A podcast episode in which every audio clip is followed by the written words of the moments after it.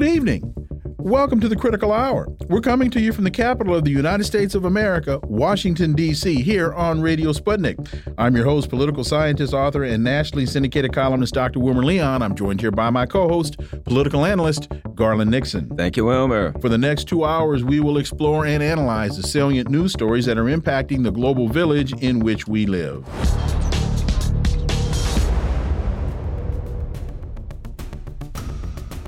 Well, the NATO summit in Vilnius has come to an end. But to what end? President Biden and other group of seven leaders pledged long term support for Ukraine, but there was no joint NATO commitment announced. Each member will negotiate its own bilateral security deal with Kiev. Well, they could have stayed at home and done that. The G7 members pledge far their pledges fell far short of what President Zelensky was hoping to get out of the day. And with that, let's turn to our first guest. It's Friday, so we're going to start the show the way we always do. He's an independent journalist, he's a political analyst, he's an author, and a reporter for RT, Caleb Maupin. As always, Caleb, welcome back. Sure. Glad to be here as always. So, NATO's communique that was issued on Tuesday, it offered no invitation for Ukraine to join the alliance or a clear time frame of on when their membership could happen. Zelensky called that absurd. Uh, on Wednesday, he said the G7 commitments could not be a good substitute for NATO membership. Quote, we can state that the results of this summit are good, but should we receive an invitation, then that would be optimum. He said the best guarantee for Ukraine is to be in NATO. And again, there was no joint commitment. Each NATO member will make its own deal with Ukraine. Uh, I say again, the summit has come to an end, but to what end? Caleb Maupin.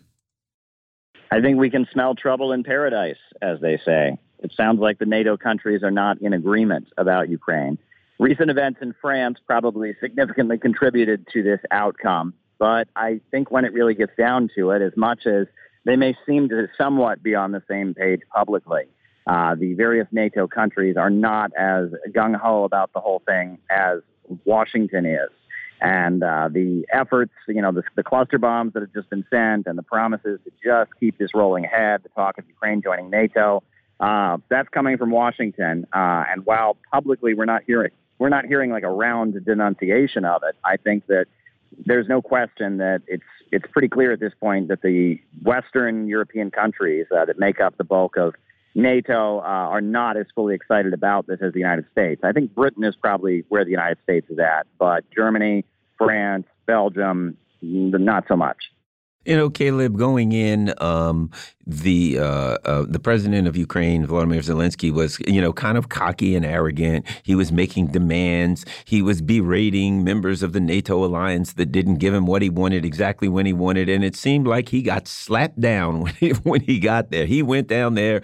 They put him in his place, and uh, the infamous picture I got to bring up of him standing around in a green olive drab what can only be described as a maintenance uniform, um, as he was avoided by the ruling elite of the um, NATO uh, of the of the uh, European. Do do the words "petulant child" mean anything to you, uh, Caleb Maupin? Sure. Well, I mean, he's been given permission to act that way by the United States. I mean, he is the fundraiser for Ukraine at this point. Uh, you'll remember he took office on a platform of wanting to patch things up and implement the Minsk Accords the military didn't allow him to do so. And when he got into office, he realized, oh, I'm just here to be a NATO puppet. And since the war has begun, um, his entire uh, you know presidency, his entire role has been basically to be the uh, Hollywood primed frontman for uh, the Ukrainian military and for fundraising, for going around the world and convincing people to be okay with their governments writing more and more checks to Ukraine to fight against Russia. Um, and it seems like while his uh, shenanigans are generally, you know, applauded by the United States, uh, things are changing in Europe, and people are not as receptive as they once were. The European leaders are not as thrilled with all of this. It's been a while. Uh, this has been going for quite some time, and you know, there's not a clear end game to this. And uh, while you know, if the United States had had, you know, you know, control of the stage and control of the lighting and control of the the performances uh, at the NATO summit, then you know, sure, he would have looked like a great, uh, a great, well-received hero. But unfortunately, the United States is not the only country in NATO, so the United States was not able to frame things in the way that it wanted, and he came across looking, like you said, petulant child. Blinken says Ukraine would be defenseless, his word, without cluster bombs. He said U.S. and NATO stockpiles and other ammunition are about to be depleted. And you mentioned cluster bombs in, in, in your previous answer. This, Caleb, is an incredibly telling and ominous admission by Secretary of State Blinken. The stockpiles around the world and in Ukraine of the military munitions, not cluster munitions, are running low, about to be depleted. If we don't do it, if we don't do it, as in provide cluster bombs, they will run out of ammunition. If they run out of ammunition, they will be defenseless. Caleb, the United States is waging a war in Ukraine, and the Secretary of State is saying the world is running out of ammunition. That's not a good sign, Caleb. Not all of the world.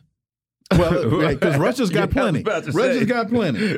Uh, Caleb, that I, I, I haven't heard I haven't heard Rachel Maddow. I haven't heard Joy-Ann Reid. I haven't heard anybody on MSNBC or sounding an alarm. Folks, this ain't good. Caleb. Well, first of all, I don't understand how a cluster bomb is a defensive weapon. Uh, you know, this is you know this is something you drop from a plane or you deploy, and it goes across a widespread area, and you know it, and then it you know it explodes or it remains undetonated, and someone walks by it and gets blown up. You know, it's not like a, a weapon where you know the bad guys are charging over the hill, and so it's quick deploy the cluster bombs. It doesn't work that way, right? the cluster bombs tend to be an offensive weapon, so the idea that they would be defenseless uh, without the cluster bombs that doesn't add up to just you know the basic you know you know look at look at what a cluster bomb is. But what you said there about running out of ammunition uh, leaves me kind of scratching my head. Uh, how much does the USA spend on military hardware? Uh, how much has the United States sent to Ukraine? How many billions and billions of dollars? How many other countries have thrown billions and billions of dollars into this? And they're out. They're they're going to run out of ammunition what, what, and and you know you look at Russia uh, and you look at Belarus, the countries that are you know on the other side in Ukraine. Uh, they don't seem to have this problem. Uh, they're not running out of ammunition. They're not running out of military hardware and weapons. I know North Korea has has sent some weapons supposedly to to Russia. That's been reported. I don't know if it's you know confirmed or not. And I know you know, there are other countries that have pitched in in terms of weaponry, but for the most part, you know, we're not hearing this alarm from the Russian side, from Belarus, from other countries that they're running out of ammunition. Um, and yet the United States has spent so much more money on this and so many billions of dollars have been piled into Ukraine. What's going on here? Uh, you know, what in the world is going on here? And you, you almost wonder if this military industrial complex thing where weaponry uh, has been turned into a mechanism for stabilizing the economy. We dump lots of money into military expenditures. You wonder if a lot of these weapons are produced uh, with the thought that they might never be used. Uh, they're simply, you know, a money making, a cash cow for certain Pentagon contractors. Uh, and with that uh, being the situation, you have to wonder, like, why are we going through them so quickly, and what's really going on here? You know, I also I think tend to Caleb. I tend to look at this as uh, neoliberalism versus um, industrial um, economics. In that, you know, Russia they still have industry, they have commodities, they they mine things, they make things, they build things, and the government of Russia they has, build artillery, right? Has taken over for the most part their uh, military industrial complex. So what do you know? Oh my gosh, you can't do that. That would be socialism and communism, but when the government does it, there's no profit, there's no administrative fees, and they can plan it out long term as opposed to neoliberalism where everything is done for profit. So it doesn't matter if you only make one artillery round a year if that one artillery round brings you enough profit. Caleb. Sure, and I mean the the Department of Defense has not passed its audits in several years. Uh, there's a lot of money unaccounted for. There's a lot of assets unaccounted for. Uh, we saw what happened in Afghanistan, where all kinds of military equipment was just kind of left behind and is now being used by the Taliban. And you have to wonder uh, if if this whole huge apparatus of, of military spending and weapons manufacturing and all of that, this kind of government-private collusion that's been going on, uh, if the, the corrupt aspects of it are causing the whole machine to start to come apart, because I, I don't understand how the United States can spend so much money and have such a big military and be pouring so much money into into Ukraine, and Ukraine is running out of ammo. That doesn't make any sense. Well, let, let me throw out a couple of ideas to that. One, first of all, you can never really trust what Tony Blinken says. Uh, you can't take it at face value. Uh, so, is it possible that he's that he's leaving out an important element in the analysis? The stockpiles around the world and in Ukraine of the unitary munitions, meaning the ones that they all use jointly, are running low. What he's omitting is if you are also planning to wage a second front war with China. We don't have enough to fight Russia and China at the same time, or China, as uh, Donald Trump, Donald Trump would say. So that's one element. So could that be factored into this? And then also, one of the things I think Scott Ritter said a long time ago was that the United States and NATO has not been prepared to fight a war of this nature for years. Scott said this almost a year and a half, two years ago, when this thing was first brewing. He said NATO doesn't have the the the weapons to fight Russia in Russia's backyard. They just don't have it. He's remember that Garland? He was saying that regularly. They just they don't have the manpower, they don't have the heavy art uh, armament, and they don't have the artillery to fight an artillery-based war that Russia has been preparing for for 30 years. Caleb. Sure. I mean, there's that you know that saying about you know you say the say to the bully or whatever, pick on somebody your own size. I mean, you look at recent U.S. wars. The USA fought Libya. The USA fought Iraq. The USA fought Serbia the USA fought Grenada. The USA fought Panama. Uh, you know, I mean, the USA tends to be fighting wars against very, very small countries. Uh, now we're in a situation where the USA is waging a proxy war against Russia, and Russia is in a different league. I mean, Russia is completely in a different league, and it looks like the the methods, you know, the shock and awe that was used in Iraq, uh, the bombings, uh, the kind of swift victory methods that might have been used elsewhere uh, are not as effective. On top of that, um, the other thing is the United States can't fully go in with its own military into into Ukraine because if the United States did so, uh, that would be World War III, and at that point, you know, nukes, nukes would go off, and uh, that would be the end of human civilization as we know it. So the United States is forced to wage this war via a proxy. Uh, and the problem with proxies is that you have less control. Uh, and that's how these conflicts, you look at these kind of proxy conflicts, these frozen conflicts that have been taking place around the world. The USA can't directly fight the Syrian government, so they have to arm, you know, uh, you know, Al Qaeda, Al Nusra kind of groups, and out of that comes ISIS, and and there's a lot of confusion there. The USA can't directly fight uh, in some of these cases, so it's arming proxies. These proxies aren't as reliable. These proxies also have their own agenda, and in some cases, these proxies can switch sides or or decide to stop fighting or become neutralized or make some kind of deal.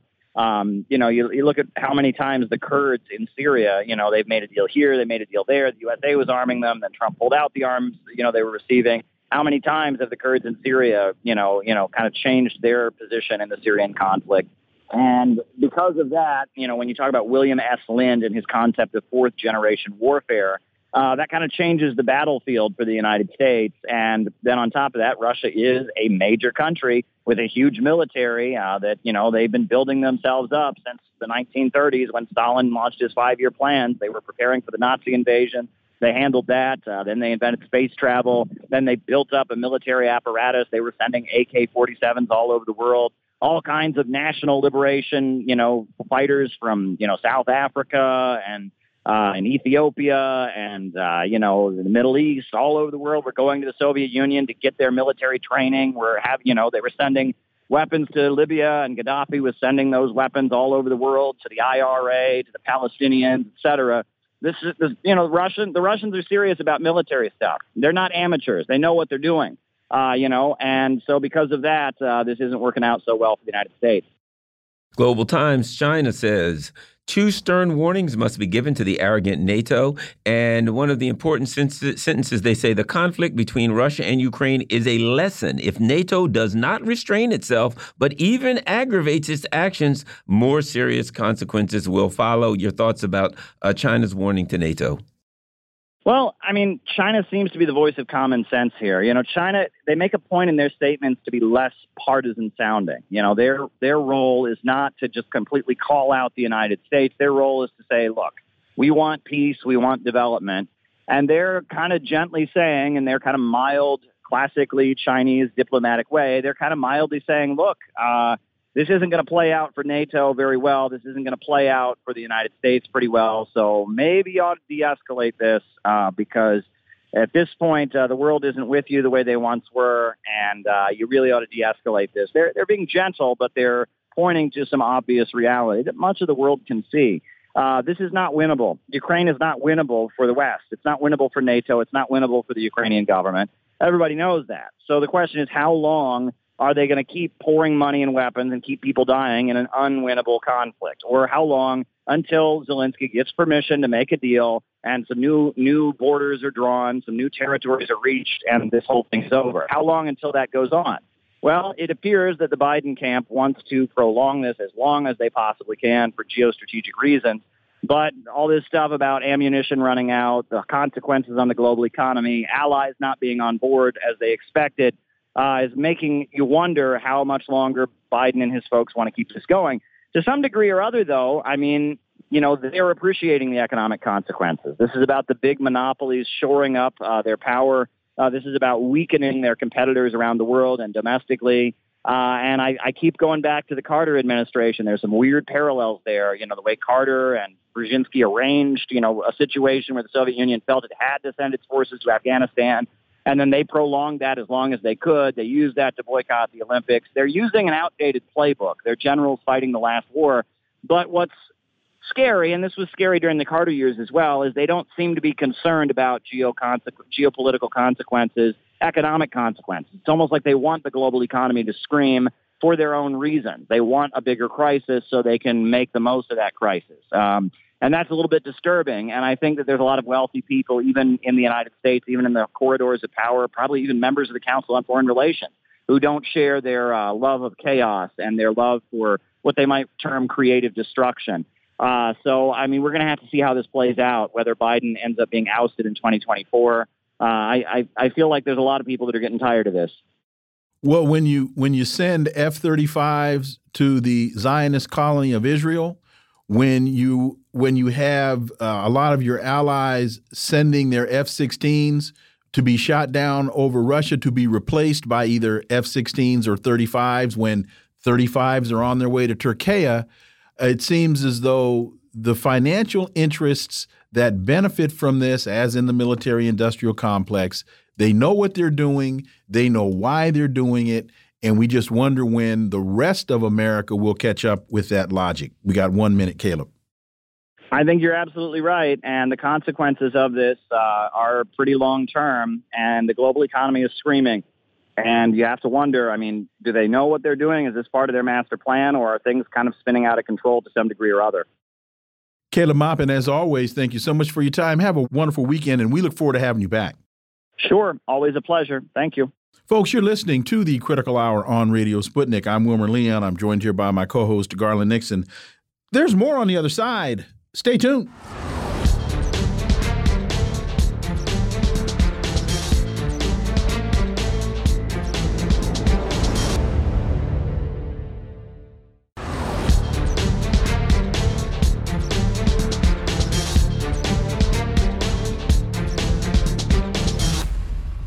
We are back, and you're listening to the Critical Hour on Radio Sputnik. I'm Wilmer Leon, joined here by my co host, Garland Nixon. Thank you, Wilmer.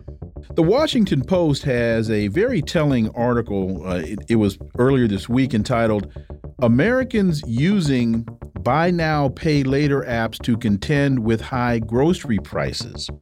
Even with inflation easing, more shoppers are relying on buy now, pay later programs to afford household essentials. What signals are being sent that after the house and car payments, medical bills, filling the gas tank, and other expenses, more Americans are finding there's little left for groceries? For insight into this, Let's turn to my next guest. He's a professor of economics emeritus at University of Massachusetts Amherst, a visiting professor in the graduate program in international affairs at the New School University in New York, and he's also a co-founder and active contributor of his nonprofit Democracy at Work. Dr. Richard Wolff, as always, welcome back. Well, I'm glad to be here. Thank you for inviting me. So this whole idea now of uh, buy now, pay later applications, again, after you pay your car payment and your house payment or your or your rent, it's become harder and harder to pay for your groceries. Is this alarming to you? And if so, why?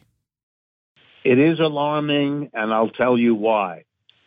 What it means, and just so everybody understands, these applications, these apps, basically allow you, uh, if you buy, say, $100 worth of groceries, that you only have to pay 25 now. And the app allows you to pay the next 25 in a few weeks and then and finish it out that way. In other words, it lets you get by.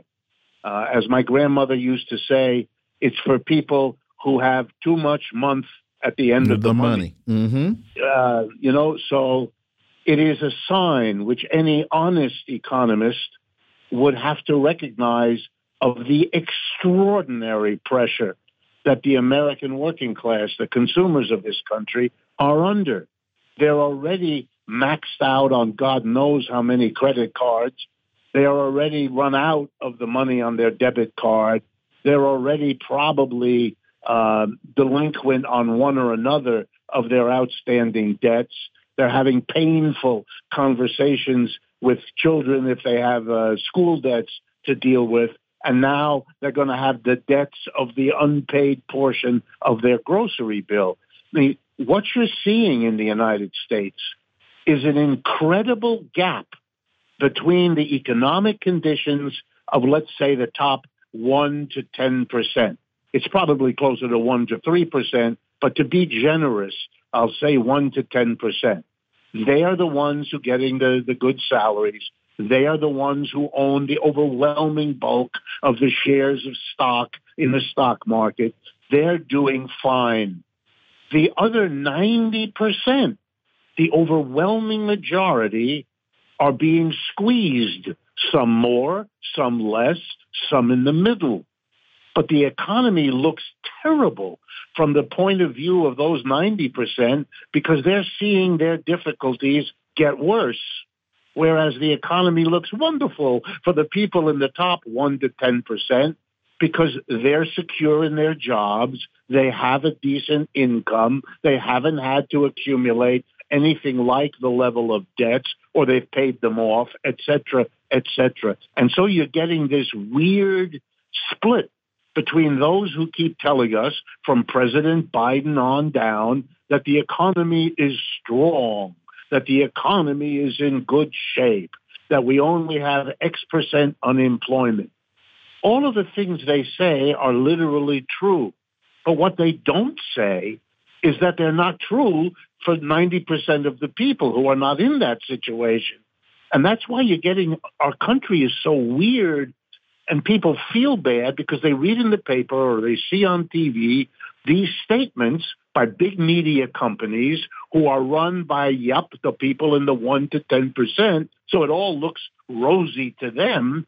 But all of us watching the television program are made to feel really bad because we know, if we're honest with ourselves, that our families are not in the position that these people on television, these big shots, are telling us we're all in. And given the way Americans work, they probably blame themselves, which of course only makes the situation worse. In this Washington Post piece, it says uh, Klarna, which is one of these buy now, pay later apps, it's a tool best known right. for helping people finance Pelotons, laptops, other big ticket merchandise. Klarna and now other BNPL, buy now, pay later services are increasingly being tapped for groceries. Usage surged 40% in the first two months of 2023. This is according to data from Adobe Analytics. So, to just make a make another uh, contributing point to what you've just stated, this is not just the working poor or the underclass. This is now finding its way into the middle class, and the middle class are finding their realities more tenuous or more precarious, Dr. Wolff. Absolutely. And, you know, it's not hard to see. We had an economic crash in the year 2020. That was before, it started before the pandemic hit us. The pandemic made it much worse.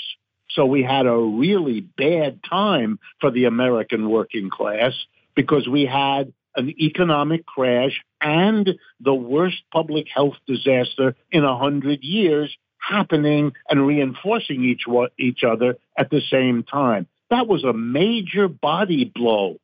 Yeah, we got some help from the federal government, all of which has now stopped.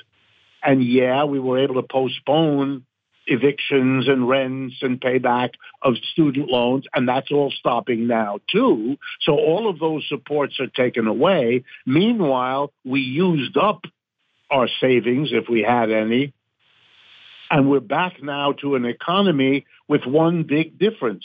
Prices are much higher than they were two or three years ago interest rates are much higher than they were. So you have for the mass of the American people body blows, a crash, a horrible pandemic, a terrible inflation, and now rising interest rates, which are supposed to stop the inflation by giving us less money that we can afford to buy.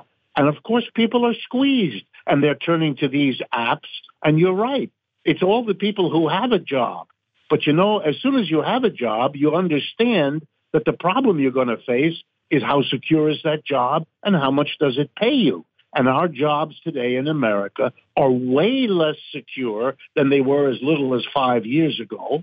Many more jobs have no benefits at all. Many more jobs have no job security. And many more jobs are paying much less than they did before. You put all that together with the debts the American working class already has, and the only thing that I can add to that is we are a population that needs and consumes more antidepressant drugs than any country on earth.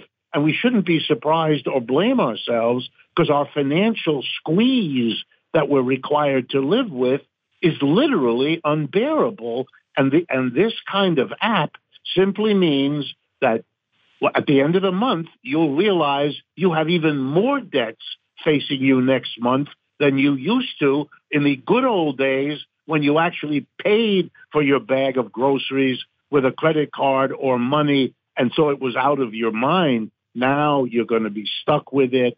Uh, the way these apps make money typically is by charging you heavily if you don't make a payment. That's how they get around charging you high interest. One way or another, you know that they're not doing this to do you a favor. They're doing this to make money. And the, and the rise in their stock prices, some of them are stock companies, shows you that speculators are accumulating shares in these companies because they understand that the desperation of the American working class is severe and getting worse. And just really quickly, you mentioned the use of of uh, antidepressants on the rise, suicide in this country is on the rise as well. Professor Wolff, and here here are my thoughts.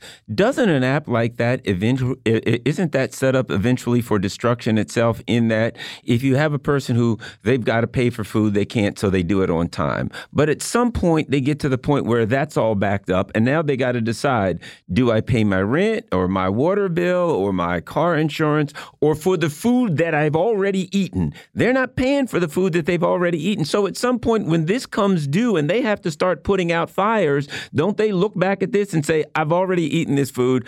I got to only pay for the things that's going to keep me, my lights are on or something. So doesn't this eventually fold into the crash?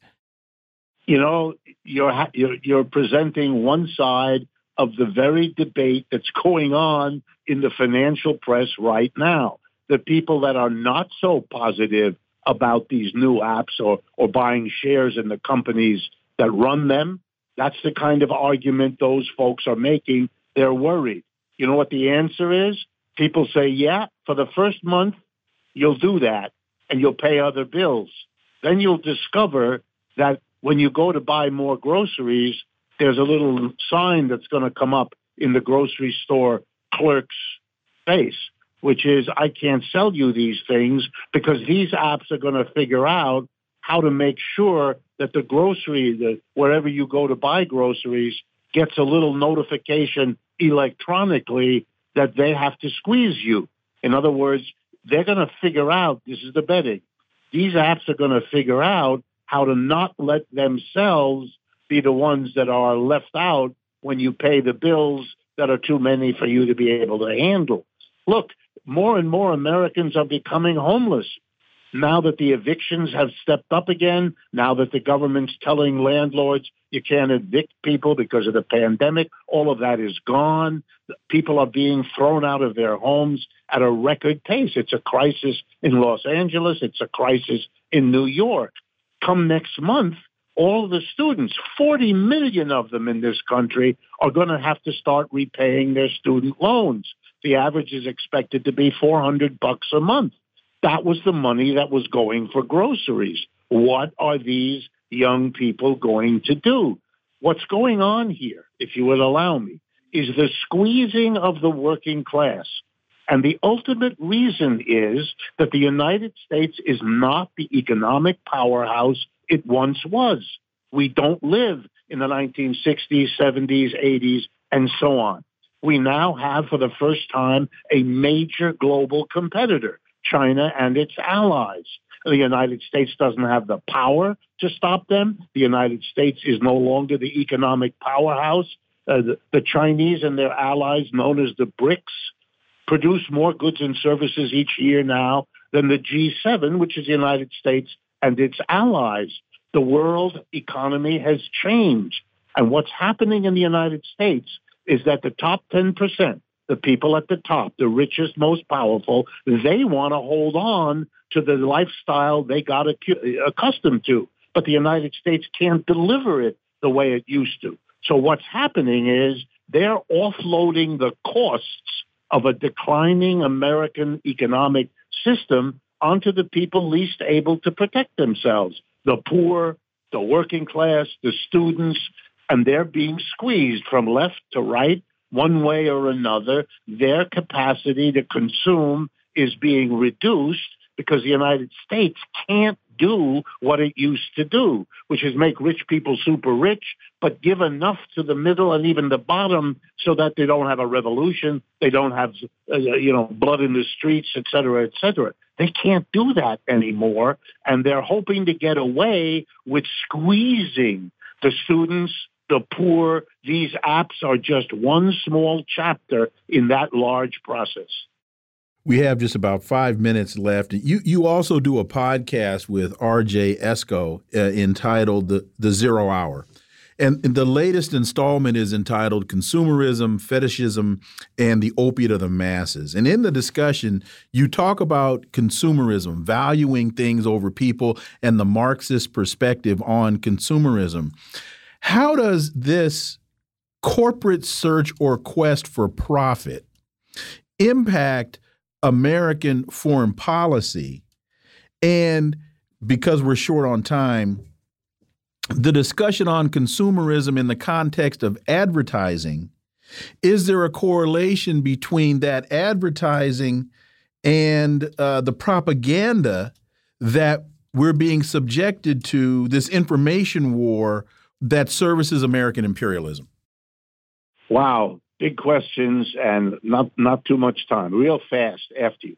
By consumerism, I simply mean the idea peddled to the people of America more than any other population on earth that whatever ails you, whatever indignities you suffer at the job, however you're badly treated, however you're badly ordered about like a robot, your compensation for the awfulness of work is the joy of shopping.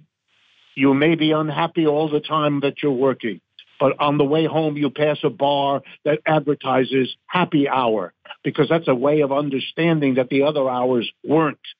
When the you know when the going gets tough, the tough go shopping. The idea of consumerism is that you can offset your indignities, your humiliation by buying stuff. It doesn't work. It's an endless quest. It's a little bit like a drug that doesn't do it anymore for you after you're dependent on it. That's the way our society works. And the problem is Americans are no longer given the salaries and wages that allow them to consume. So it really isn't working because we can't consume anymore. And why is that happening? Because the people who run our economy, the people at the top, found others to be consumers. And I've got to tell you the truth, those others are particularly in China. China has the fastest growing, largest market in the world. General Motors sells more cars to the Chinese than they sell to the Americans, and they go where the market is. That's what's happening. Advertising, which is the effort of a capitalist to tell you only the good things about whatever they produce, hiding all the bad things, making up stuff when they haven't got enough good things, and this has become the way our politicians work. Tell only the story that you think people want to hear.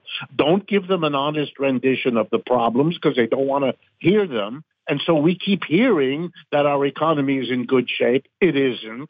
We keep hearing that we're the most powerful country in the world economically. We're not. We keep hearing that we're winning wars, which we're losing. I mean, it's becoming so stark, this difference that the rest of the world, and I spend a lot of time reading European and Asian and African publications to be to be safe in what I think and what I say, that the United States is engaged in a denial of its problems together with a self-delusion about itself in which it cannot seem to recognize that the world has gone on to change, that the leading American corporations have led the charge to move jobs out of the country.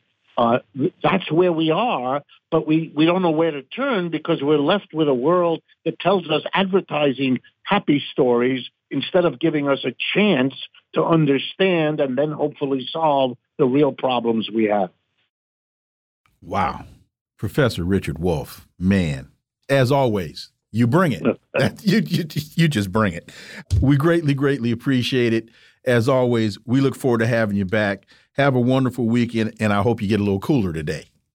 I hope so too. It's really hot here. I really do appreciate your invitation and would be glad to continue whenever you wish. Thank you, sir. Enjoy the weekend. Talk Take to you care. soon. All right, you too. Folks, you're listening to the Critical Hour here on Radio Sputnik. I'm Wilmer Leon. I'm joined here by my co host, Garland Nixon. There's more on the other side.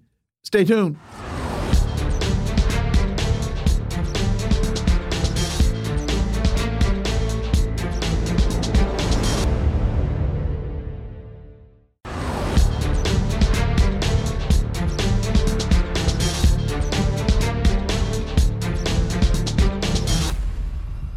We are back, and you're listening to the Critical Hour on Radio Sputnik. I'm Wilmer Leon, joined here by my co host, Garland Nixon. Thank you, Wilmer.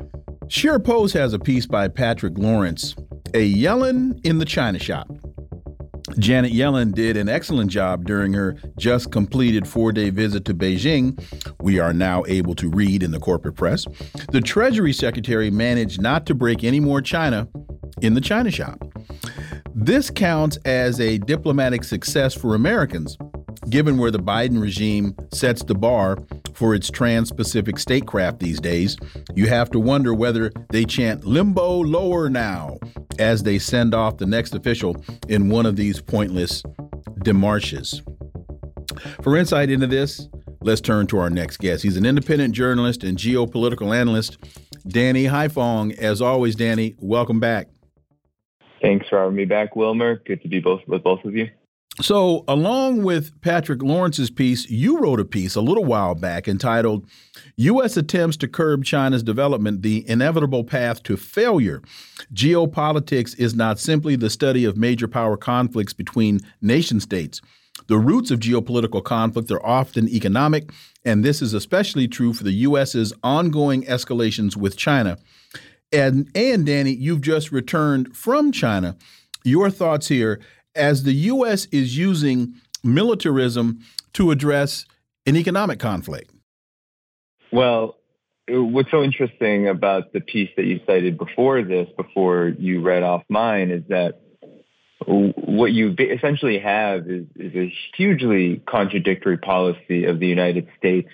And I would agree with the thesis of the author that there these so-called diplomatic meetings that the United States have been setting up or uh, has been setting up uh, with their counterparts in China are essentially pointless because each at each and every turn there is a complete undermining of diplomacy. So uh, earlier before Yellen's visit, there was Blinken's visit to China. He met with all the top level officials, including President Xi Jinping.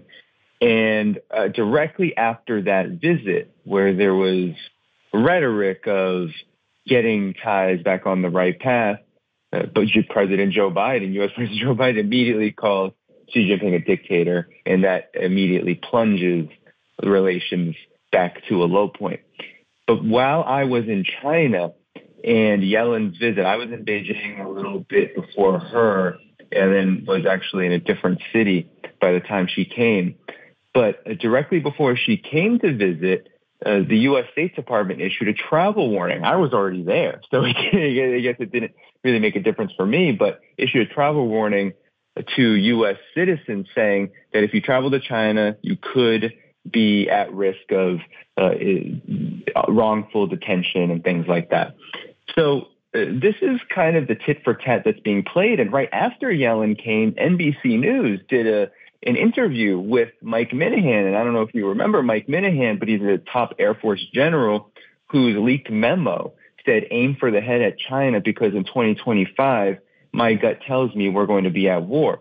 So uh, it, when NBC News interviewed him, uh, essentially what he said was he stood by what he wrote and uh, that he doesn't want to see conflict. That was the way he couched his walk back from the comments, but he stood by them. So in all uh, intents and purposes, what we have is the United States is preparing for war with China, but they see the unfortunate terrain in front of them where their proxy war in Ukraine and essentially the, the general state of the American empire is in decay, and they really can't wage a conflict with China at the moment. So they do have to play at diplomacy. They do have to slow things down. And perhaps they actually do have to begin rolling back some of the completely unproductive and honestly harmful economic policies uh, against China that have blown back right into their faces.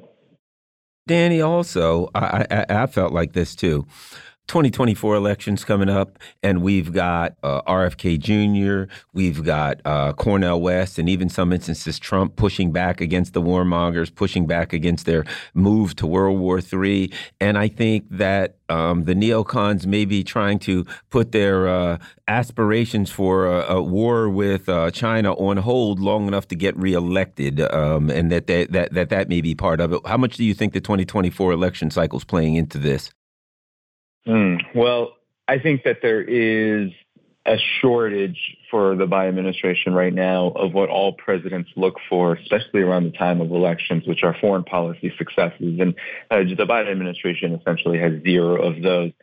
So I do think it is playing somewhat of a factor. In terms of the terrain of opposition against the Biden administration, it's hard to say how much that is actually coming to effect. But I do think that the DNC as a whole is aware that people like RFK Jr., Cornel West, these are these are genuine threats to uh, Democratic Party votership. Uh, if we remember 2016 and 2020, uh, Bernie Sanders was peeling away young voters, and at this moment, the Democratic Party isn't even willing to entertain anyone like Bernie Sanders. So uh, that is a genuine threat. But on the other hand, what we are going to see from the Democrats, I believe, is an intense amount of placation of the Republicans as the election gets closer because uh, there will be increased rhetoric of, oh, are the Democrats being soft on China?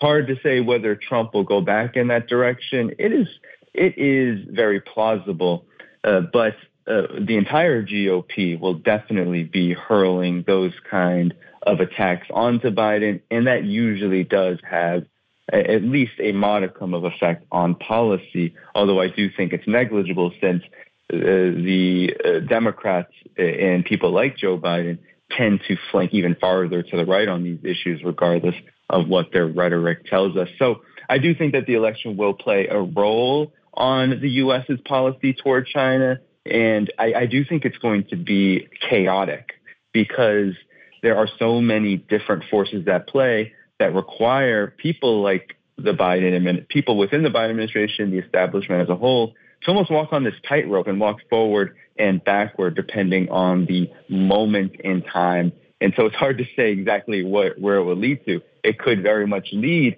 to even more of an aggressive posture rather than a more peaceful one. You write uh, the roots of geopolitical conflict are often economic, and this is especially true for the U.S. ongoing escalations with China. China is set to surpass the U.S. in GDP terms within the next decade, if not sooner. The U.S. has reacted to China's rise aggressively. This, to me, was really predictable, and the U.S. seems to be caught off guard or taken by surprise here. Japan did the same thing uh, after World War II in the development of their technologies and in the development of their uh, economy. There was a time in the, particularly in the mid 60s, when, you know, made in China was something you did not want. But then we had the rise of Sony, we had the rise of Datsun uh, automobiles, and their manufacturing began to take over the world. But then the Plaza Accords, from what I understand, are what the United States and Japan reached, and that basically decimated the Japanese economy. And China decided they're not going to fall for the banana in the tailpipe trick. They're going to do their thing. And then you also had the shift in mindset. What were they? They, they were referred to as, as the, the sick man of Asia. And they decided we're not going to play that role anymore. But none of this should have caught America by surprise. Uh, your thoughts? No, I mean, I mean, it shouldn't have, and I think that since the beginning of China's what is called the opening up and reform process, it was quite clear that sovereignty was never off of the table, and that was the big difference between. And it's always been the big difference between Japan mm-hmm. and China. Mm-hmm. Uh, Japan essentially had to sell off all of its political control and military control to the United States after World War II and this legacy remains a huge one, given that Japan is at some point probably going to open a NATO liaison office once the moment is right. Uh, that's how deep Japan is embedded uh, to the U.S. military machine. But China was different all along. China was never going to give up its sovereignty to the United States just because uh, foreign direct investment and trade relations ended up becoming quite robust uh, from 1979 onward. So uh, this should have been seen as predictable that eventually China would be able to learn not just from the United States, but from Japan, from Europe, and from others who are more developed than itself, would be able to learn and implement the techniques, the production techniques, uh, the various skills and trades, et cetera, needed to develop uh, high technology and, and various kinds of infrastructure. And uh, the U.S. should have known this all along. But now what has happened is that just as when Japan started to rise uh, economically, now China, now the U.S. is going after China to an even more severe degree because the United States understands that China does have the potential to be self-reliant. It does have the potential also to cultivate relationships independently of the United States. And this cannot stand. And that's why you have, when I was in China, uh, there was a lot of talk about how sanctions on Huawei, as well as these export control bans um, against semiconductor technology to China, had actually affected the industry in China to a significant degree, to the point where Huawei Mate phones, the latest version 15, didn't have 5G technology, which is actually in China completely astounding. Other phone models, corporations have access to it, but not Huawei because it was specifically targeted. So that is actually set to end very soon because of the way that China has been able to reverse course and focus on its own internal production. And uh, this has allowed it to make strides itself in developing this kind of technology. And soon, Huawei phones, the newest versions, will have 5G technology again. And that is kind of the uh, uh, the result of these policies that the United States is leveling. The more that the U.S. tries to contain and isolate China, the more that China is able to figure out, no matter how strong, how much of a struggle it may be in the very short term, but in the medium term, China is able to figure out how to do it itself. And that's been kind of the journey of China for many, many decades now. And it's only going to become more and more dangerous for U.S. hegemony since uh, China's economy, China's technology, and China's uh, relationships with the world are only that much stronger than before. But you know, isn't that kind of how sanctions work? If you look at Russia right now, one the U.S. in 2014, they put all they put all of these sanctions on Russia, and Russia then learned had to learn how to make a lot of their own stuff and do their own stuff and create their own industry, etc. And now that the U.S. is trying to come back and double down with sanctions, in that period of time between 2014 and now, they've changed so that they are more self sufficient. Uh, the U.S. trying to snatch TSMC away from China forces China to now um, expand their moves towards uh, chip development. So the first couple years, yeah, you take a hit, but after that, these major industries are going to expand in China. So kind of the um, there's a paradoxical effect to these sanctions against a major power like a Russia or a China or even Iran. We see the same thing. Your thoughts? Well, and, and as the technology expands, the price drops. So when China gets into the mix and when China starts being able to produce those TSMC style chips, the price of the chip goes down. Yes, and it becomes more accessible to countries around the world. That's exactly what has happened with renewable energy production. China leads the world by a large amount in that realm, and the U.S. has actually leveled sanctions on the technology, the, the raw materials, polysilicon, needed to produce things like solar panels. But nonetheless, China, because of its ability to produce en masse, was able to drop the prices, and it's become more accessible. And that is also what scares the United States because that means countries are not just better equipped to develop themselves, but they're also better equipped to defend themselves. And I think that is, I say this all the time on my channel, I say this all the time in my work, that it's not just that uh, countries like China and Russia are able to uh, uh, uh, uh defend themselves from sanctions and uh, be able to combat them effectively for themselves. But what it does is it creates an example where countries under attack have a model for what it looks like to not just get out of sanctions, but to create a world order that can defend itself from the attacks of the United States. You even have countries like Venezuela. We don't hear much about Venezuela anymore from the U.S. mainstream media because Venezuela had some of the most the harshest sanctions causing migration and hunger and all these horrific developments. But over the last couple of years, Venezuela has also been able to figure things out, not least also because of the way that the Ukraine conflict affected energy markets and the way that countries like Russia can step in to help. But still, Venezuela has been able to stabilize. there's been economic growth there over the last few years, and there's no danger or threat of regime change happening anytime soon. So even a country like Venezuela, under harsh sanctions, much uh, much more economically smaller than uh, than China or Russia. Still, this is what happens when sanctions and the dollar are weaponized and currency is weaponized and the whole economic order is weaponized.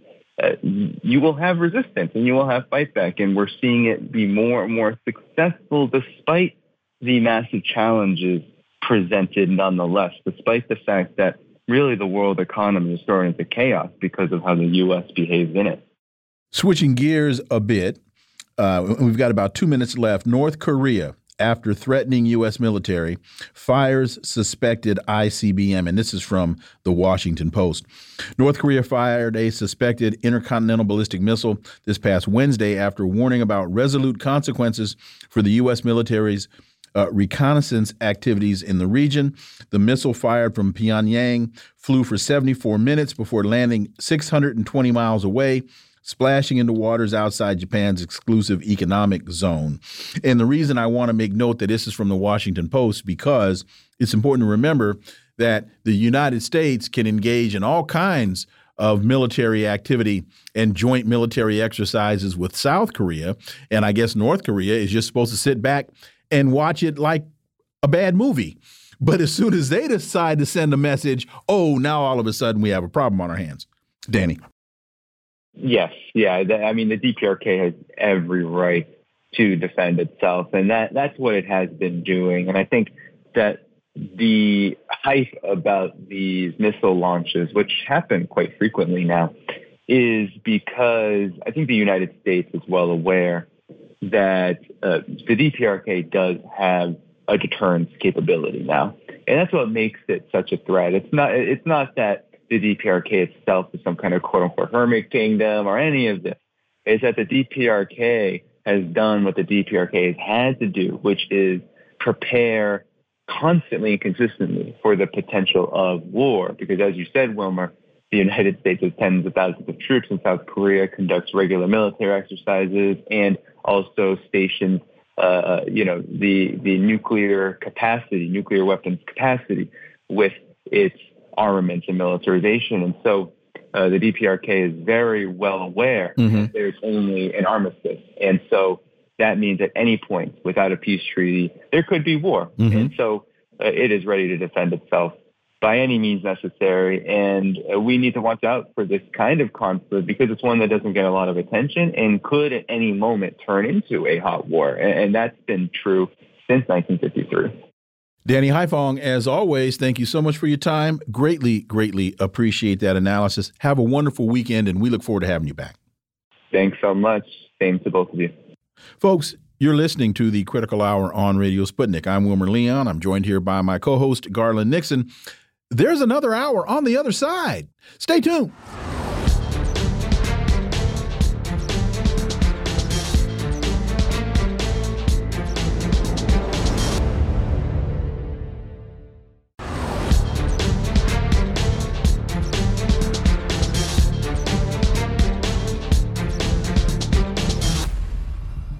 We are back, and you're listening to the Critical Hour on Radio Sputnik. I'm Wilmer Leon, joined here by my co host, Garland Nixon. Thank you, Wilmer. Orinoco Tribune has a piece entitled Venezuela's National Assembly European Union Advisors Won't Set Foot in Venezuela Again. The president of Venezuela's National Assembly, Jorge Rodriguez, announced during an ordinary session of the parliament that they will not allow an electoral observation mission of the uh, European Union in 2024, stating in no uncertain terms that, quote, the future of Venezuela is decided by Venezuelans alone, end quote. Venezuela is sending a very clear signal to the world and other countries in the global south, and regions are also sending, other regions are also sending similar signals.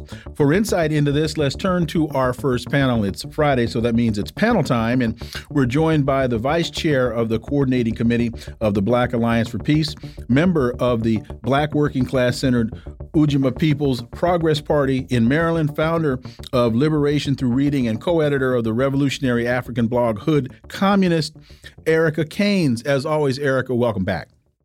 Thank you. Thank you for having me. We're also joined by the chair of the coordinating committee for the Black Alliance for Peace and editor and contributing columnist for Black Agenda Report and the Green Party candidate for Vice President of the United States in 2016, Ajamu Baraka. As always, Ajamu, welcome back. My pleasure to be here. Thank you. So, Orinoco Tribune continues that the statement made by Rodriguez this past Thursday directly repudiated the fifth resolution, and I won't go into the number, but, quote, on political disqualifications in Venezuela, end quote, approved by the European Parliament. Rodriguez also pointed out that the resolution itself was promoted by the far right Venezuelan politician and fugitive from justice, Leopoldo Lopez. Erica, let me start with you. And do you see this as one signal in a list of a number of signals by a number of countries in the region that are pushing back against American interventionism and American imperialism? Absolutely. Um, I think it's important to note that many of the European countries um, within the EU have absolutely continued to support the U.S.'s aggression, um, especially uh, during the 2019 attempted uh, coup uh, towards Venezuela. Um, I believe it was the UK that stole Venezuela's gold, um, uh, and you know, I refused to release it. And then they've been locking step with the U.S. Um, in the last 15 years. The U.S. has imposed sanctions um, against the Venezuelan government and Venezuelan individuals, and we know that sanctions kill, right? So tens of thousands of Venezuelans have reportedly died as a result of you know the U.S.'s uh, relentless assault on the economy, but they have not acted alone. It has also been with the rest of the West. Um, I think that's the significance of how we really understand these NATO nations, um, the EU and the US um, have always and continue to work in this way um, to sort of punish these nations that they, they see in opposition to their ideological prospects of extending or expanding their hegemony. Um, but yeah, the Trump administration was especially cruel to, to Venezuela.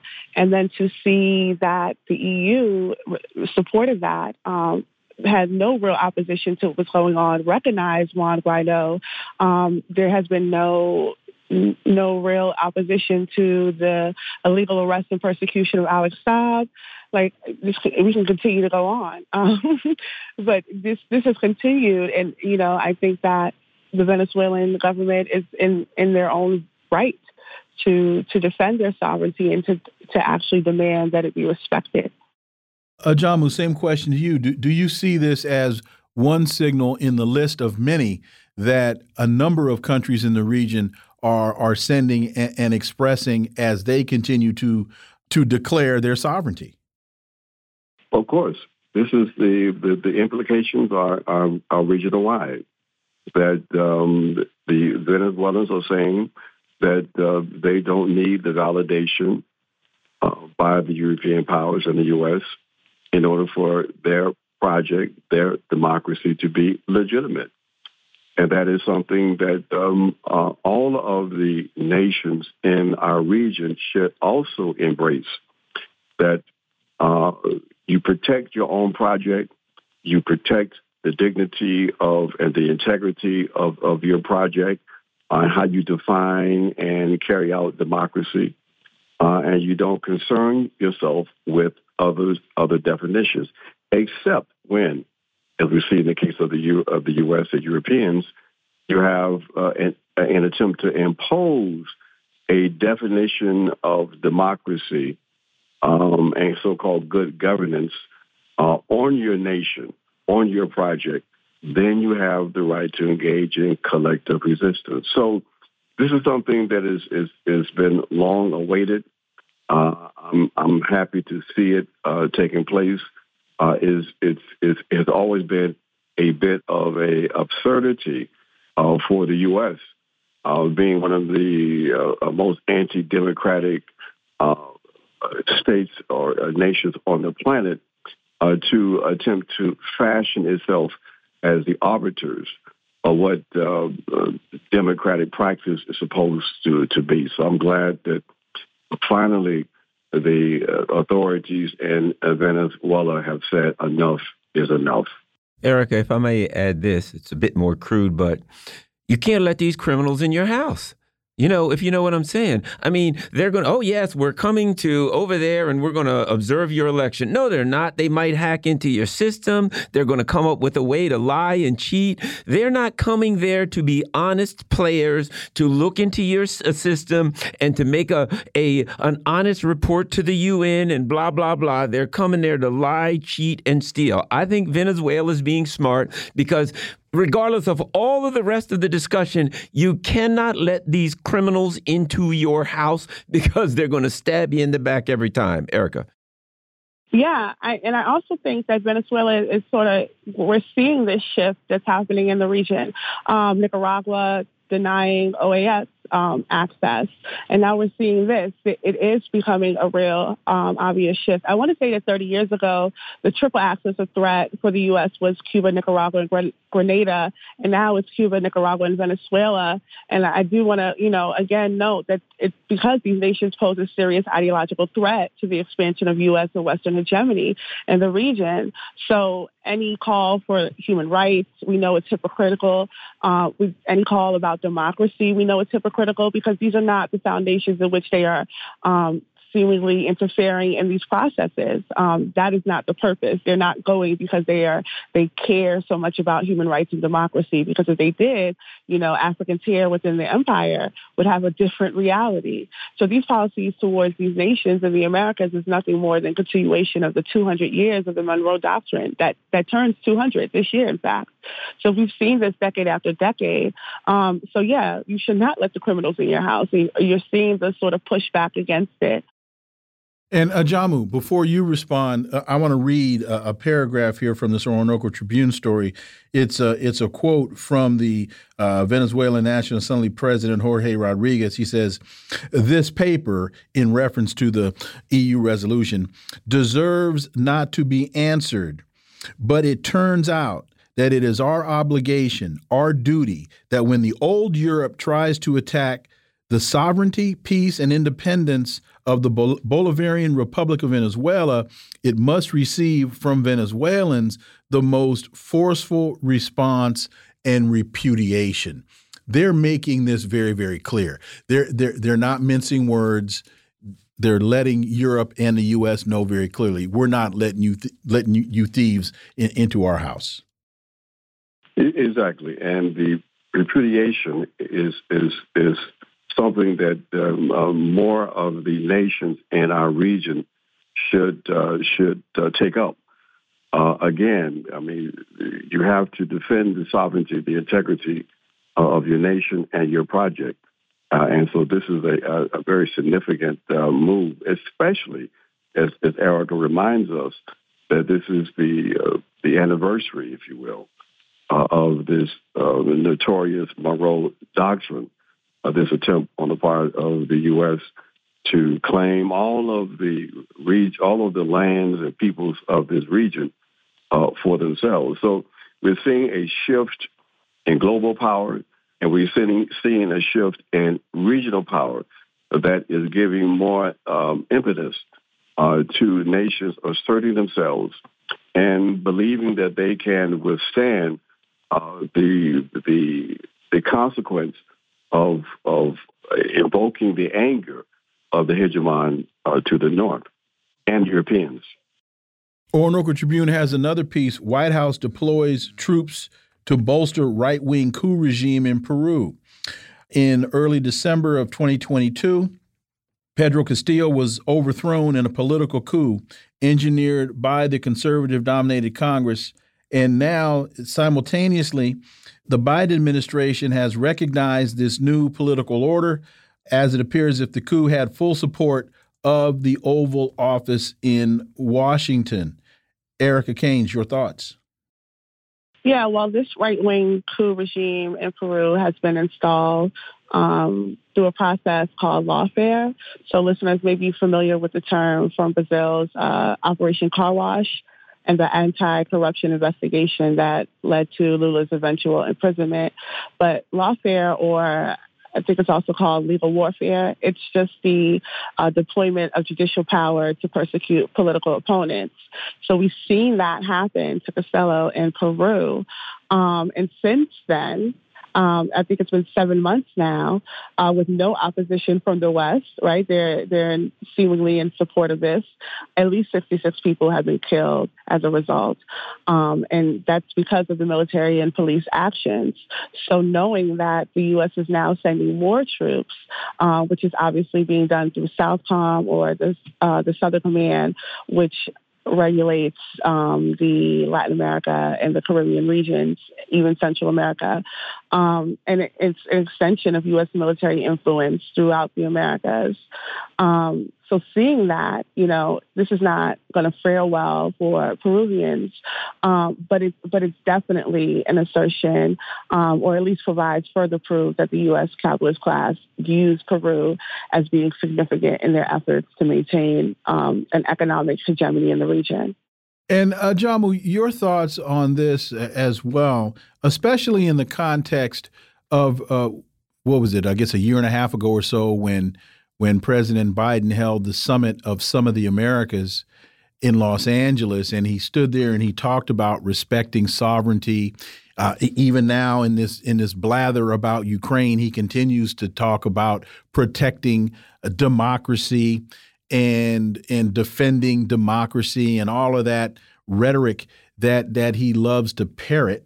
And then also, and I think we asked you this question a couple of times while these elections in the global south were taking place, uh, as these socialist governments were, were, were gaining their footholds, and we kept asking you, well, what is the hegemon going to do in response to this? Because we know that it won't go quietly into that long dark night. Uh, so I think we see what the U.S. response to these democratic elections is. Ajamu. Exactly. I mean, the the, the hypocrisy is so uh, uh, painfully obvious that here we, we, we were just talking about uh, the fact that uh, the Europeans, and, uh, along with the U.S., uh, will position themselves as the arbiters of what is supposed to be democratic practice in a place like Venezuela, while simultaneously supporting anti-democratic uh, shifts in government, anti-democratic seizures of power by um, the the right-wing bourgeoisie in these various uh, nations, from Honduras to uh, Peru. Uh, it is it, it is it is so uh, painfully obvious to everyone but the population in the U.S. And this is where the task comes in. The task that we have to embrace, and we have embraced uh, in terms of helping the, the people in the U.S. at the center of empire uh, to understand the, the, true character of their own government, uh, and so that so that the attempts to try to to, to rationalize intervention uh, by the U.S. Uh, does not resonate uh, with the population in the U.S. That we can finally put to to rest this the the implications of the white man's burden, uh, the responsibility of the white uh, uh, West to go in uh, to save uh, the people from uh, from from authoritarian government to to to protect their humanity. Um, you know, and to to do away with this very effective instrument that's connected to the white man's burden idea and that is this notion of humanitarian intervention. So we have to take on this task uh, because we understand that the U.S. state is committed to militarism as the the, the tool that it believes it has, um, uh, the only tool it believes it has to try to maintain uh, control in, in our region. Uh, and that cannot, the use of the military weapon, um, you know, requires the, the support uh, from the U.S. population. And that is where they are vulnerable, and that's where we have to focus our attention. Eric, I also think that looking at what happens in, in happened in Peru in Peru needs to be a reminder to those of us who uh, you know would support um, independence and sovereignty in um, in the Latin, in Latin America and throughout the world, and that is the U.S. has been doing this stuff for a long time, and the rem remnants of their um, machinations are still there. So you know, uh, a left-leaning independent person may win in a particular country, and there's celebration, hooray! But but you got to watch it because they still have you know, members in their Congress or whatever their ruling bodies are. They still have people running the um, the military. They still have the remnants of their power all over the place, and they will use any way they can. They will use those to try to get back in and to try to usurp the independence of, of sovereign nations. Your thoughts, Erica? Yeah, and I also think it, it primarily speaks to the issue of social democracy um, being the direction that these progressive governments are taking, and how easily um, those have become openings for the West to enter. Um, but I did want to did want to highlight something uh, that I think is important because we're, we're you know it's particularly hot where I am right now, um, and we're in the midst of a heat wave. And what the U.S. is doing or attempting to do in Peru has everything to do with the resources, especially um, when we think about what they attempted to do in Bolivia. They are looking to take control of the mining um, that's happening there, and that's going to have a, a complete you know, ecological devastation, not just in that area, but to the world. Um, you know, the rainforest is in that region. So these are things that we really have to consider, especially when we look at Cop City, for instance, right? How they're tearing down all the trees to do what? To build, you know, a policing sort of um, uh, I'm not even sure what you would call it, like you know, a training center essentially that that uh, would allow for different um, militaries and different policing um, officials to come in and train uh, to attack us. And that's they're sending troops to to protect their interests, their mining interests in Peru. So I think it's important that we make these connections, especially when we talk about the Americas. It's really important that we start seeing ourselves as part and parcel of the Americas because what the U.S. government is doing um, is not dissimilar to to what it's doing in our own communities as far as um, occupying it, um, militarizing it it, it's the same situation that we have to recognize. And when we talk about, you know, this heat wave, we really have to start to connect it to how the U.S. military is maneuvering um, and how much of a danger it is for the world. And Ajamu, am, am I wrong when I when I when I see a correlation, as as Erica just pointed out, with the U.S. sending troops into Peru to protect its interests, and looking at where Peru is on the map, it's on the it's a, it's a coastal country on on the Pacific Ocean. So I can only think that um, probably the, the, the price of cocaine and the price of marijuana might drop as uh, the drug routes, uh, because we know when the U.S. military gets involved in places like this, drugs seem to follow. So am, am I am I wrong to, to think that folks in L.A. and on the coast of California might need to pay attention uh, because they, they could see an, in, an increase in the volume of, of narcotics uh, in a very short period of time? Well, they're going they're to probably see a bit of a decrease because there is a shift taking place with the drug uh, trafficking in um, along the Pacific coast in uh, Bolivia in Peru, and the direction of it is it is headed it is going east and then coming through Brazil and then primarily going uh, to to to Europe.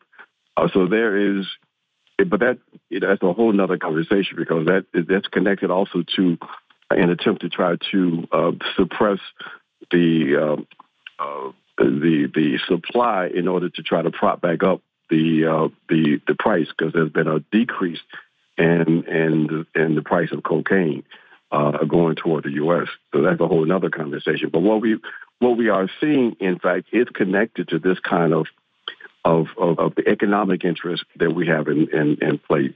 And and Erica touched on some of that in terms of, of the kinds of, of, of, of materials, uh, minerals that uh, U.S. companies and Canadian companies and other European companies uh, are uh, attempting to, to covenant. They have already, uh, both in Peru and in Bolivia, uh, and along the the western, along all of the nations that make up the western part of South America. So this has an economic uh, component also, as always. I mean, you the, the Americas or the, the South America in particular represents something like uh, 32% of all fresh water.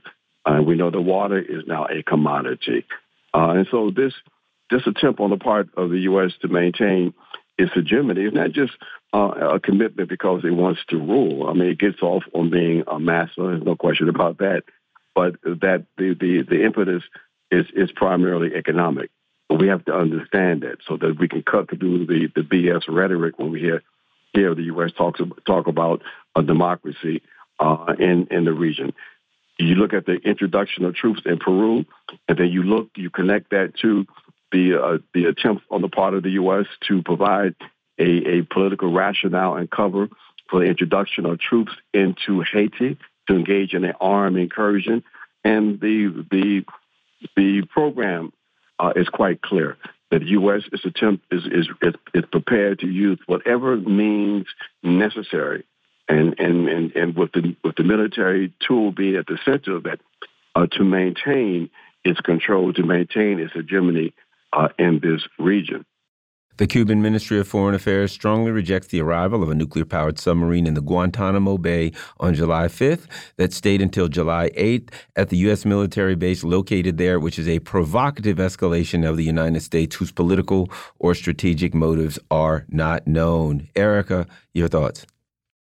Yeah, I think the, similarly with what we discussed with Venezuela and uh, just now Peru, the U.S. does not respect the sovereignty uh, in the Americas. Um, the I think Guantanamo Bay has been there for over 100 years against the will of the people. Um, and now this presence of a nuclear submarine, you know, it's it's a real it's a real threat to their sovereignty. I mean, not only are they occupying Cuban land, um, but they they are now you know making a real presence or attempting to make a real presence known with this you know nuclear submarine. And this is in addition to these threatening these uh, life threatening sanctions these life crippling threat um, sanctions that have uh, occurred and continued under the Biden administration. They have Cuba on the state sponsored terrorist list that has really harmed uh, the nation. You know, uh, Cuba is really entering a second special period right now. And what the U.S. is doing is sort of just, I guess, making its presence known um, more more directly. And it's really, you know, I, I, I, think this really, I do appreciate in the article that they do highlight and they do um, note the zone of peace because I think I've spoken previously before that the Black Alliance for Peace has also um, launched a campaign in support of the CELAC's position on the zone of peace, highlighting these things specifically, that the sovereignty of the Americas must be respected, that the self-determination of these nations must be respected. And I think with the presence of the nuclear submarine absolutely shows that the U.S. has no intention in doing so. Ajamu. That's why we have called basically for the U.S. Uh, to be ejected from the Americas. That means that if it's, it's quite clear that the U.S. is not prepared to to live in harmony with the na- other nations in this region. That the U.S. settler project is a project uh, committed to domination, and therefore we say in the Black Alliance for Peace that uh, we need to build a movement to eject the U.S. from this region, to eject the U.S. state from this region, which means uh, uh, dismantling this settler colonial state. That's the only way we're going to be able to fully realize peace in our region when power is shifted away from this this vicious, uh, aggressive, uh, white supremacist bourgeoisie uh, that that is controlling politics and the economy uh, in the United States of America. There's an interesting piece in Black Agenda Report. More than meets the silk press, Kamala Harris and U.S. imperialism. And the brilliant hood communist editor Erica Caines is quoted in this piece. Erica, we'll let you close this out. You got about a minute and a half about the role that Kamala Harris is playing, and it's not a good one. Yeah, I, I gladly. um, I want to shout out Salifu Mack, who's also a co-editor and wrote this piece. Um, but yeah, I think that Kamala Harris has been able to get away in these last uh, two years with um, being mocked for either not being present or being meek or being foolish when she is. And the entire time she has been taking on a position in the Americas. Um, we noted that in, I think, 2021 when she went to Guatemala and told the people, do not come here. But now she's taking an even deeper role using Haiti as a launching pad uh, in this new partnership uh, with the Caribbean. Um, which will really have an impact on on what's happening in the region. I mean, Haiti is really suffering um, not because of the alleged gang violence and all of these things, but because of the crisis of imperialism that's been, you know, it's been afflicted with, and the region itself uh, does not seem to be wanting to take a stand against the U.S.'s policies and call for no occupation in Haiti. And what the U.S. has, has been able to do using identity reductionism, highlighting, you know, the, the Jamaican aspect of, of Kamala Harris is really allow her to intervene in these spaces um, on, the, on behalf of the U.S. and impose the U.S.'s will in the region, um, not just in Haiti, but also uh, if we look at what her role is, and I, I believe the U.S. State Department has, you know, put up, uh, you know, the the the White House has said what her role is um, officially. Um, it's on the website. But if you also look into that, it says it talks about her role in Guyana. Guyana recently has discovered a lot of oil. Uh, which is making it a direct target. Um, so it's it's something to watch. It's something to appeal. But I think what what's really important to note is that Kamala has been able to get away with being a caricature of herself so much so that people have not been really paying attention to what she's been doing. And what she's been doing it will be a detriment to Africans in the region. Well, Erica Caines, Ajamu Baraka, as always, thank you both so much for your time. We really, really, as always, appreciate that analysis. Enjoy your weekends, and we look forward to having you all back. Thank you. Thank you. Folks, you are listening to the Critical Hour on Radio Sputnik. I'm Wilmer Leon. I'm joined here by my co host, Garland Nixon. There's more on the other side. Stay tuned.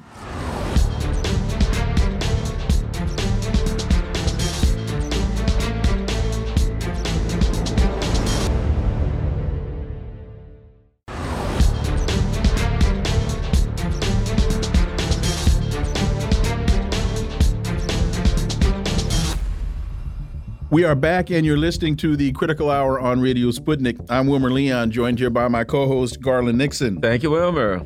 Moon of Alabama has a piece entitled In Pictures Zelensky's Visits NATO Summit.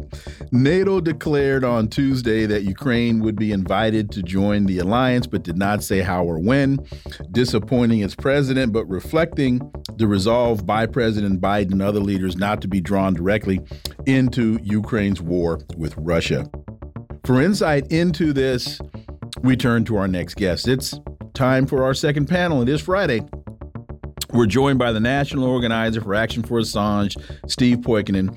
We're also joined by an independent journalist whose work can be found at Substack and thepolemicist.net, Dr. Jim Kavanagh. Gentlemen, as always, welcome back. And, and, Jim, let me start with you. And folks, I know this is radio and we're talking about pictures, but if you go to moonofalabama.org, you can find this, and the and, and these pictures are readily available. The first one is, I think, Zelensky's visit to the summit, and it's a collection of all those in attendance, with the exception of Zelensky. Uh, Jim Kavanagh. Yeah, they were kind of pathetic, and watching that was, you know, this, this the, the pictures where he's standing by himself. Everybody else is talking to each other, which is you know 15 different meme versions of that with him a mop and a bucket. And and I like the best one with the the sign he's standing next to. says you have to be this tall to start World War Three. so you know, look, he's uh, he's coming there. And again, what he's saying to them is, "You got me. You made me stay in this. You sent me an emissary in April. Bo- Bojo called me on the phone and flew in on your behalf and told me, do not sign this agreement with Russia. We will abandon you if you do. If you stay in it, we will give you everything you need to defeat Russia because they thought, oh, Russia will go down in a few months from the economic sanctions and we have the wonder weapons that will defeat the Russian army. None of that was true. So he's now got this position where he's saying to these guys, I got 100,000 more dead people because you told me to stay in. You got to give me everything I want. So I sympathize with Zelensky and think he's right. They have to give him everything, everything that, that they told him to give, everything he wants, which is what they told him to give. But it's they can't. It's impossible. This is a, a symptom of the impossibility that they've the box that they've put themselves in, which is crazy and it's extremely dangerous for the world. So what are they going to do? You know, I, they're they're going to now what they're doing is moving American troops, calling up reserves and putting more troops in Europe because they're preparing for a NATO-wide war with Russia. I don't know what's going to happen. But they, you know, they don't have the weapons to give Ukraine. It's clear that any weapons they give, as all the weapons they have given, will be shot down, blown up, and destroyed by the Russians. And the Russians are producing weapons at a massive quantity. So everybody's they're they're this is the bind that they're in. Zelensky may look like the fool here, but there's no bigger fool than the than the Biden administration. I, I think um, Zelensky's learning the, the meaning of the phrase Faustian bargain. very good point. A very Gordian knot. Um, so, so Steve, and again, folks, we are talking about pictures, but uh, to to to Jim's point, there's a picture of him standing at the party as everyone else is talking. You got these two folks holding hands. Nobody's talking to him. He, he's the skunk at the lawn party. he really is. Uh, and okay, so that particular image where he looks uh, a little bit frustrated, looks like he perhaps stepped in something. I did, you know, sort of uh, uh, stoop to my more base instincts, and on Twitter said this is the last thing an eight ball of cocaine sees. But yeah, aside from that, uh, that face, just that face, you know it is. It's the last thing an eight ball sees. Um, they, they're treating Zelensky like the relatives that you don't like when you're about to have a baby in terms of Ukraine's acceptance into NATO. Like, oh, we've got a date, but we're not going to tell you. It's got to be a surprise. You know what sex the baby is, but you don't get to know. It's going to be a surprise. Like, you're just dangling this in front of him while he's got to go around and beg every world leader for money and weapons. And he's never going to stop doing that until he's removed from that position because, as Garland's pointed out more than once, that's his primary function. He's a beggar. That's why they don't ever wear him, let him wear a suit like he's in the club. He's got to be in uniform the entire time. No, you're not one of us. Get out there in those clothes and shake the cup around. Let me say this, Jim sending 3,000 reservists, I don't think that's a good plan if you're planning on going against the Russian army. You know what I mean? That's that's a like trying to um, uh, uh, empty out the Pacific Ocean with a tablespoon. So I think that is something that the neocons do all the time. It's kind of performative. It looks like you're doing something, but you're not really doing something. I think they're stepping down. I think, look, if you look at Vietnam, if you look at Afghanistan, if you look at the history of the neocons, when things go bad, they walk out the door. You end up hanging off the fuselage of a C-130 or something, hoping that you know you can hold on as it ascends into the cloud cover. I don't. I, I just don't see where they're going to make this move. I think they're looking for an off ramp, and I think the opposite of you, uh, of, of, what you're saying, uh, uh, uh, Jim. What are your thoughts on that? Well, we have a disagreement. Look, I think some of them are looking for an off, ramp. They have to be. Nobody, not all of them can be that stupid. You're right. The 3,000 reservists don't mean anything. What they do is they're, they're, they're out there putting them out there to set up more infrastructure that would accommodate more troops, et cetera, et cetera. It's all down the line. And when they look at the numbers, when you know the generals and the real military professionals look at the numbers, they're going to say, "Not much we can do about this." So I I agree with that in reality. But you also, this is not Afghanistan. you know, this is, they have created a situation here that they put themselves in where this is the end of NATO. And it is. Mm-hmm. When Stoltenberg says we cannot accept the defeat of Ukraine because it means the defeat of NATO, he is correct. and, and they know that. So that wasn't the case with Afghanistan.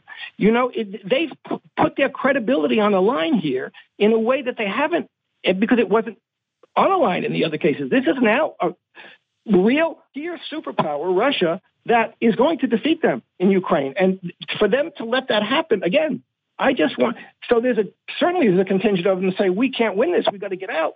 But there's another, and I still think it's the dominant contingent that says we can't. We can't allow ourselves to be defeated in this. And on the other side, Russia has the same situation. They cannot allow themselves to be defeated. I don't think there are as many people who would say, oh, well, let's accept defeat. But this is a very dangerous situation. And I don't think I'm not sanguine about how it's going to work out. Yeah, yeah, but Jim, uh, Steve, before you respond, Jim, let, let me say this. Yes, NATO, in their minds, cannot afford to be defeated. And yes, Russia, in its mind, cannot afford to be defeated, but the reasons are different. If Russia loses, Russia loses. And you have a, the president of the country saying, if I lose this fight, my country is entirely surrounded. I'm done. This existential threat is real to my existence as opposed to basically I'm a victim here. Let, let, me put it another way. You got one guy standing here saying, if I lose, I'll be humiliated and embarrassed. These two guys are fighting. The other guy says, my two year old daughter is standing behind me. And if I lose, this guy's going to go by me and kill my daughter. You don't want to fight that guy. That guy's done. He, you don't want to fight that guy. that he will done. bite your skin off. right? I, I, I'm not betting on the guy who's going to lose face. I'm betting on the guy that's who's going to lose his, daughter. his face. Yeah. Go ahead, Steve. So, I mean, traditionally and definitely in the last 40, 50 years of U.S. interventionism and, and adventurism, it's been the home team who is doing just that, standing between an invading army and their children that eventually frustrates the invading army and makes them drop a bunch of old equipment and leave. Uh, and so whether or not we're trying to do that in Ukraine just so we can move the money laundry, I don't think so this time, but it does coincide very neatly with an ongoing and by all appearances premeditated collapse uh, of the Western system in general, the de-dollarization, the American empire as an entity going under. So yes, it's the end of NATO, it's the end of the West mm-hmm. as the dominant force in the world. And it's the rise of BRICS and, and life under hyperinflation until the U.S. begrudgingly joins BRICS too, apparently. But they've got to blame it on somebody. And if they can get some more equipment out, they can get some more bodies stacked, sure, they'll blame Russia and carry it to the bloody bitter end. And Jim, to your point, this is the end of NATO. And to Steve's point, I'm I'm glad he made it because that was going to be my next point. It's the end of the of the U.S. Western Empire, and that takes me to the quote that is attributed to Henry Kissinger: "To be an enemy of America can be dangerous, to be, to be a friend is fatal." And and that's what Zelensky has to understand. He is merely the pawn on a chessboard and those photographs from the party or from the summit are clear examples of, dude, just go park the cars. You you don't understand. You're not from this planet, brother. If you've watched the movie Brother from Another Planet. So Zelensky needs to wake up and smell the coffee, and he needs to start figuring out how he's going to live out the rest of his life because this is not playing well for him, particularly and I'll end with this. He is the pawn on a chessboard, but Russia's playing four dimensional chess, and the United States just got done learning how to play checkers. Jim Kavanagh. Well, I put it the other way. I say the United States neocons think they can play five dimensional, some kind of bizarre okay. five dimensional chess against Russia. And what Russia does is calmly gather its pieces at the center of the board and get ready to win the end game. And because they know how to play chess, they're not playing some comic book version of chess. So you, you know, but your point is the same. But yeah, look, Zelensky's in trouble. Zelensky can be taken out, and he will be taken out if, if they need to. They'll do it Diem, what they did in Vietnam. If they have to take him out because he's the guy they made this promise to, they'll take him out. And wait a minute, to, to that point, Jim, it's also important for people to realize, as I understand it Russia won't take him out because they have a policy of not assassinating foreign leaders. It's his friend. To be a friend of America is fatal. Go ahead, Jim. Yeah, look, here's the here's the, the dilemma. The, the, you know, the, the, hardest thing the Russians gave to themselves was the task of denazifying Ukraine, and that I think I always said at the beginning that's really the most difficult thing to do. But in fact, the Americans. Yeah, because you're fighting an ideology.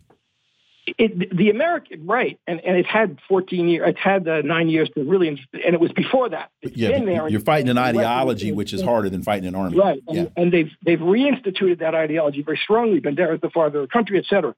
But the fact is that if the United States wants to have some kind of settlement that's short of absolute victory for Ukraine, that uh, gives any kind of territorial concession to Russia, the United States is going to have to denazify Ukraine because the Nazis won't accept that.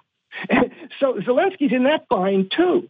If the United States wants to wants to promote Zelensky as the uh, uh, and and let him have a any kind of uh, uh, settlement short of absolute victory, they're going to have to defeat the Nazis in Ukraine, and that's going to be a bloody battle. That's not just one, you know, it's not just a coup and killing off one guy.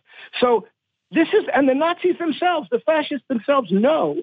Hey, the Americans come in and they spend 10 years and they go home. That's not what we want to do. Their purpose all along has been to get the United States in a war, and NATO in a war with Russia. That's their purpose. Steve, so so how can how can the United States denazify the Ukraine when Samantha Power and uh, what's her name with the cookies, Nuland.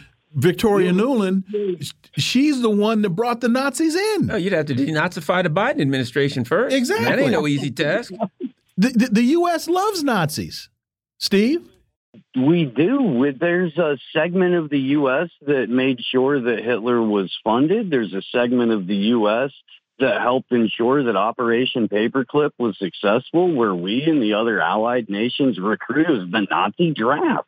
We went and recruited all of the top Nazi scientists and doctors and everybody we could find. The ones we didn't relocate, we absorbed into American society, and they one of them became the first Secretary General of NATO uh, or sorry, the UN, I think. Uh, the, one of them uh, founded NASA or was the first chief of NASA. So, I mean, this is a precedent that we've had for 80 some, almost 90 years now. It, it's an American tradition. I got to say, though, Wilmer, I did not expect to hear a, a John Sayles reference or the, you know, to Joe Morton classic uh, brother from another planet today. It was surprising, but really anything with Steve James in it is worth mentioning at least once a day. Um, the, uh, we're we're in a we're in a tough spot because the the foreign policy is basically enacted by the sons and daughters of people that helped determine and shape Nazi policy 80 years ago grandchildren of them. And look at Canada. Look at any of these places that have been stocked with World Economic Forum young global leaders. There's a pretty straight line to World War II and Nazi Germany. Uh, so to denazify Ukraine, yes, absolutely. You have to denazify the rest of the EU nations and the U.S. that have been part and parcel involved in the creation of the corrupt client state of cold Cuba that Ukraine has been over the last decade. Patrick Lawrence. I'm going to put two articles together. Patrick Lawrence, the disinformation industry lands in court. He talks about the the ruling by the Louisiana judge regarding the Biden administration. But I'm putting to another article with it. Matt Taibbi, where have all the liberals gone? Where basically he talks about the Democratic Party being the party that now supports censorship, uh, uh, uh, censorship and the totalitarian totalitarian nature of that mindset. Let's put them together, and we're starting with you, Jim Kavanagh. Yeah, uh, you know, this is horrible what we're seeing here. This case, Biden versus Missouri, good for these attorneys general, good for Jay Bhattacharya and Martin Kulldorff and the people who are the, uh, the, the plaintiffs in this. The judge is ruling that, that this looks like what the worst insult to the First Amendment, one of the worst in American history, is correct. You know, and the idea that the Democrats and so-called liberals now are fighting to maintain the government's right to censor everybody. And it's like, oh, this judge is interfering with the government operations. I mean, this is just nuts, incredible. I mean, and they cite that the New York Times can write an article in which it attacks the judge for not being skeptical enough of a correct claim, namely that which it says is debunked, namely that vaccines the vaccines did not stop transmission. They're attacking the judge for not the, the accepting the debunking of that claim, which is not hasn't been debunked at all. It's true. There's literally not a scientist in the world doesn't agree with that. So, but th- this is just all nuts. The MSNBC people are sitting there going, "Oh, how could the how can the this of course Trump appointed judge all you have to do is attach something to the word Trump and attach something to so it's become reactionary and right wing to be in favor of free speech. That's that's uh, Taibbi's point. I saw Pierre Kory on uh, I forget maybe on Jimmy Dore saying I was a Democrat. I gave all my money to the Democrats. I went to testify in front of the Senate or the Congress, and all the Democrats are attacking me as a right winger. And that's what's happening now. The Democrats are trying and largely succeeding to identify support of free speech as a right wing position. Steve. Well, apparently, not only free speech is a right wing position, but so is uh, exercise. I don't know if you guys saw that this week. Yeah. If you, uh, yeah, if you try to stay in any kind of shape, that is a sure sign that you are on a path to domestic terrorism. Um, we we've known for years that there was direct coordination or collusion between the federal government, number of agencies therein, and social media companies. We've had multiple people tell us about it. One of them is currently sitting in Belmarsh prison. The, there's the the fact that it's now law, and I think Patrick Lawrence makes a point in this in, in one of the pieces. The fact that it's now been written into public record from a federal judge that yes, this is reality that what you said was conspiracy July 3rd on July 5th is verifiable. You, it, it changes if you don't watch MSNBC. but according to them, reality has nothing to do with the narrative of the day. And if you just bow your neck and accept the narrative, then everything will be okay for you. And it's it's falling apart so fast that it makes it so much fun to watch. Also, uh, Microsoft Media Mediaite has an interesting article. AOC endorses Joe Biden for president and gets torn apart by the Biden opponents on the left. Well, first of all, at least they finally admitted that there's some Biden opponents who are on the left. But when they talk about this, you know, they go after Marianne Williamson or uh, or RFK or anybody. You know, these are long shot crazy people who aren't in favor of World War III and nuclear extinction. Uh, but anyway, your thoughts on AOC came in and said, we got to fight the system. We got to push back against the Democrats. And now, 18 months before the election, when she should be asking Biden some questions, reviewing, thinking about what she's going to do, it's just, yeah, he's done some good things and some bad things. I'm riding with Biden. But she gets hit hard from the left. Your thoughts, Jim? Yeah, well, she's demonstrated what she is now, which is an establishment Democrat, one of Mama Bear's cubs. You know, she came in, as you say, we got to bring the ruckus to the Democrats. I'm here to disrupt the Democratic establishment. And now she's a willing and complicit part of the Democratic, compliant part of the Democratic establishment. And, you know, it's uh, uh, Joe Biden has done pretty well, you know, and then given the field that we have, I support Joe Biden. Even though most Democrats don't want Joe Biden to run again. You know, again, she has to pretend that she doesn't know that Joe Biden is incapable of actually doing the job and isn't doing the job. And it's it's very silly. It's very bad. It's you know it's it's a betrayal of her of her own stances that she took and the the, the stances she took to get herself elected. And uh, you know, unfortunately, uh, you, you know that that that's the it's an example of where, where the Democratic Party and the quote unquote squad oppositionists within the Democratic Party are. Steve. AOC's always been this person. I got so much grief back in 2018 for for having the temerities to suggest that this whole you know progressive we're going to bring down the house sort of thing was in fact inorganic and sandy from you know sandy from the bronx uh, has a very, very, very, um, I don't know, let's say, uh, establishment friendly pedigree. So she's doing what she's been in there to do, which is bring a new generation of progressives and lefties into the Democratic Party, promise them some sort of environmental reform, universal basic income, whatever you have to to get them in there. And then once they're there, they don't have anywhere else to go. Uh, I'm glad that she's getting some grief. I noticed that Mediaite had no mention of Cornel West. Uh, I and I noticed that uh, I think everybody's dismissed Marianne Williamson. I don't know how Marianne has a leg to stand on at this point. especially after her relationship with Oprah and the whole John of God thing. That's probably an entirely different conversation. But yes, I, I repeat, AOC is a fraud and always has been. So I'm glad she's getting hit. But I, I think the wrong question was asked here, and it they should not be asking AOC whether she endorses Biden or not. What they should be asking AOC is how can the Democrats put forth a candidate without having any debates during the primary? How do you know that Joe Biden is the best candidate for the party when you you're not debating Robert Kennedy Jr. You're not debating Marianne Williamson. Nobody else can get into the conversation.